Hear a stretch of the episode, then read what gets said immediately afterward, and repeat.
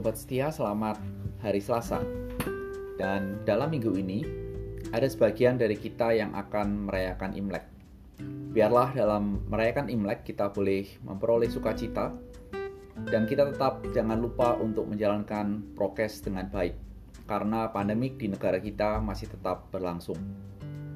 Dan tak lupa sekali lagi saat ini saya tetap mengajak kita semua untuk senantiasa berdoa, terutama bagi tenaga nakes biarlah Tuhan melindungi dan menyertai dalam pekerjaan dan keluarga mereka. Dalam episode ini, kita akan membahas tema Pilihlah ini, bukan yang itu. Terambil dari Lukas 6 ayat 1 sampai dengan 13. Dan ayat-ayat ini akan dibaca oleh Reinhard.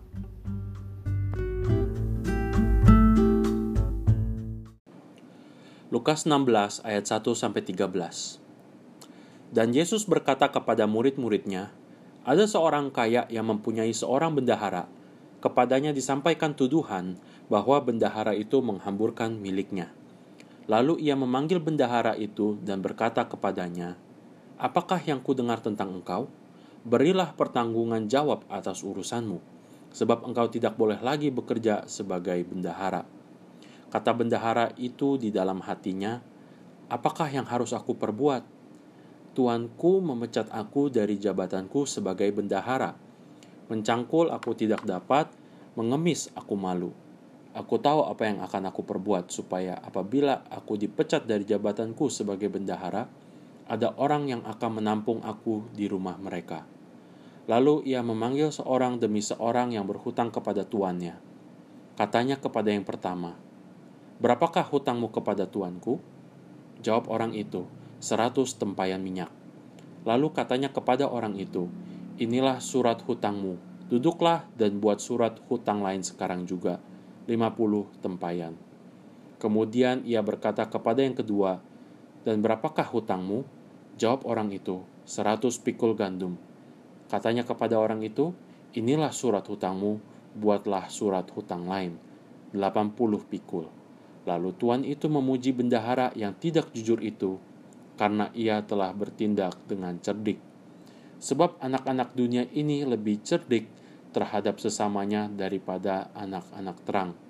Dan aku berkata kepadamu, ikatlah persahabatan dengan mempergunakan mamon yang tidak jujur, supaya jika mamon itu tidak dapat menolong lagi, kamu diterima di dalam kemah abadi. Barang siapa setia dalam perkara-perkara kecil, ia setia juga dalam perkara-perkara besar. Dan barang siapa tidak benar dalam perkara-perkara kecil, ia tidak benar juga dalam perkara-perkara besar. Jadi, jikalau kamu tidak setia dalam hal mamon yang tidak jujur, siapakah yang akan mempercayakan kepadamu harta yang sesungguhnya? Dan jikalau kamu tidak setia dalam harta orang lain, siapakah yang akan menyerahkan hartamu sendiri kepadamu? Seorang hamba tidak dapat mengabdi kepada dua tuan. Karena jika demikian, ia akan membenci yang seorang dan yang mengasihi yang lain. Atau ia akan setia kepada yang seorang dan tidak mengindahkan yang lain. Kamu tidak dapat mengabdi kepada Allah dan kepada Mamon.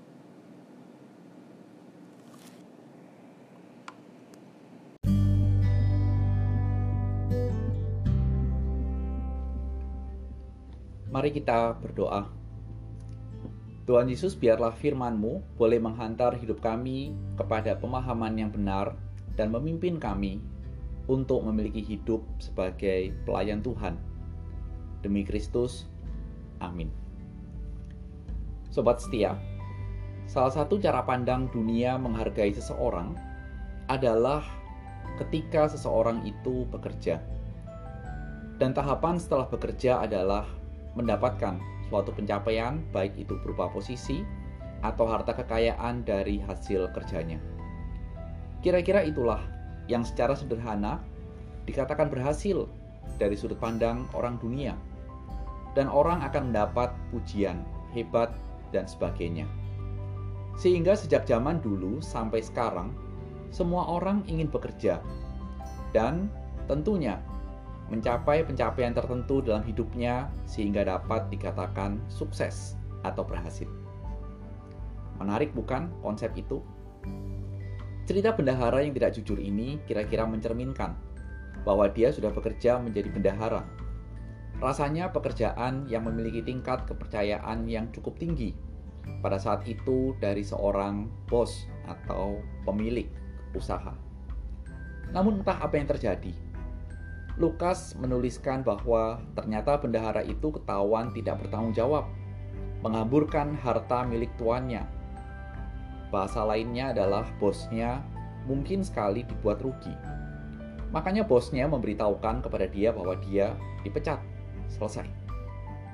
Mendapat ultimatum seperti itu, dalam sisa waktu dia masih bisa bekerja, dia menyadari bahwa masa depannya akan suram karena tidak dapat bekerja lain. Mencangkul dikatakan dia tidak dapat, dan kalau mengemis, dicatat dia malu. Wajar sekali. Siapa sih orang dari posisi bendahara kemudian harus mengemis? Pasti malu. Sobat setia, perhatikan yang menjadi solusi dari bendahara ini. Dia memikirkan bagaimana dia harus menata masa depannya. Kemudian dia memanggil semua orang yang berhutang kepada bosnya. Dan yang dia lakukan adalah dia korupsi harta milik tuannya. Perhatikan, ada yang dikorupsi 50%, ada yang dikorupsi 20%. Dan mari kita bertanya, mengapa seperti itu? Mengapa dia melakukan itu? Kira-kira supaya kalau dia sudah tidak bekerja, dia masih memiliki harta, dia punya harta. Dan kalau memiliki harta, paling tidak hidupnya tidak akan seperti cerita anak bungsu dalam Lukas pasal yang ke-15 yang dicatat statusnya sebagai seorang yang melarat karena tidak punya harta. Dan apa akibatnya? Akibatnya adalah tidak ada orang yang peduli untuk menerima dia. Tidak ada orang yang care dengan dia. Dan di dalam cerita ini dikatakan bendahara itu cerdik dan fokusnya adalah supaya dunia menerima dia teman-temannya tidak meninggalkan dan tetap memandang dia meskipun dia dipecat tetapi masih kaya. Sobat setia, apabila kita bertanya mengapa bendahara itu melakukan hal seperti itu, maka kira-kira kita perlu bertanya dengan kalimat seperti ini. Siapa yang suka dalam hidup ini kalau teman atau saudara sendiri menghina kita? karena kita tidak memiliki harta kekayaan. Rasanya tidak ada orang yang suka. Dan saya yakin, sobat setia semua ada yang pernah mengalami hal itu. Dan apabila kita mengalami hal itu, tenanglah. Karena itulah pandangan dunia. Dari manusia yang hidup dalam dunia dan memiliki wawasan yang salah total. Perbuatan dari bendahara ini langsung mendapat teguran yang sangat keras dari Tuhan Yesus dengan kalimat yang diucapkan oleh Tuhan Yesus. Silakan ikat persahabatan dengan mamon atau kekayaan. Seakan-akan Tuhan Yesus memberikan seperti sebuah izin. Tapi sebenarnya kalimat ini menjadi sebuah peringatan yang sangat keras. Sekeras-kerasnya bahwa kalau kamu mengikat persahabatanmu dengan mamon, atau dalam bahasa saya silahkan menyadarkan hidupmu kepada mamon, percaya kepada mamon, dan akhirnya Mamon pun tidak bisa menolong kamu, maka kamu baru sadar dan jera alias menyesal. Dalam bahasa Surabaya, kira-kira kalimatnya adalah kapokmu kapan kon saiki? Satu pertanyaan sederhana untuk membuktikan hal itu. Apabila kita melihat mamon menjadi sandaran kita, menjadi pilihan kita, seberapa kuat dan seberapa mampu kekayaan, mamon bisa menolong seseorang untuk sembuh dari satu penyakit, misalnya kanker, yang hadir dalam hidup seseorang. Uang pun tidak mampu. Dan ingat bahwa ketika Tuhan Yesus mengatakan setia kepada perkara kecil, Tuhan Yesus sedang menunjuk kepada uang.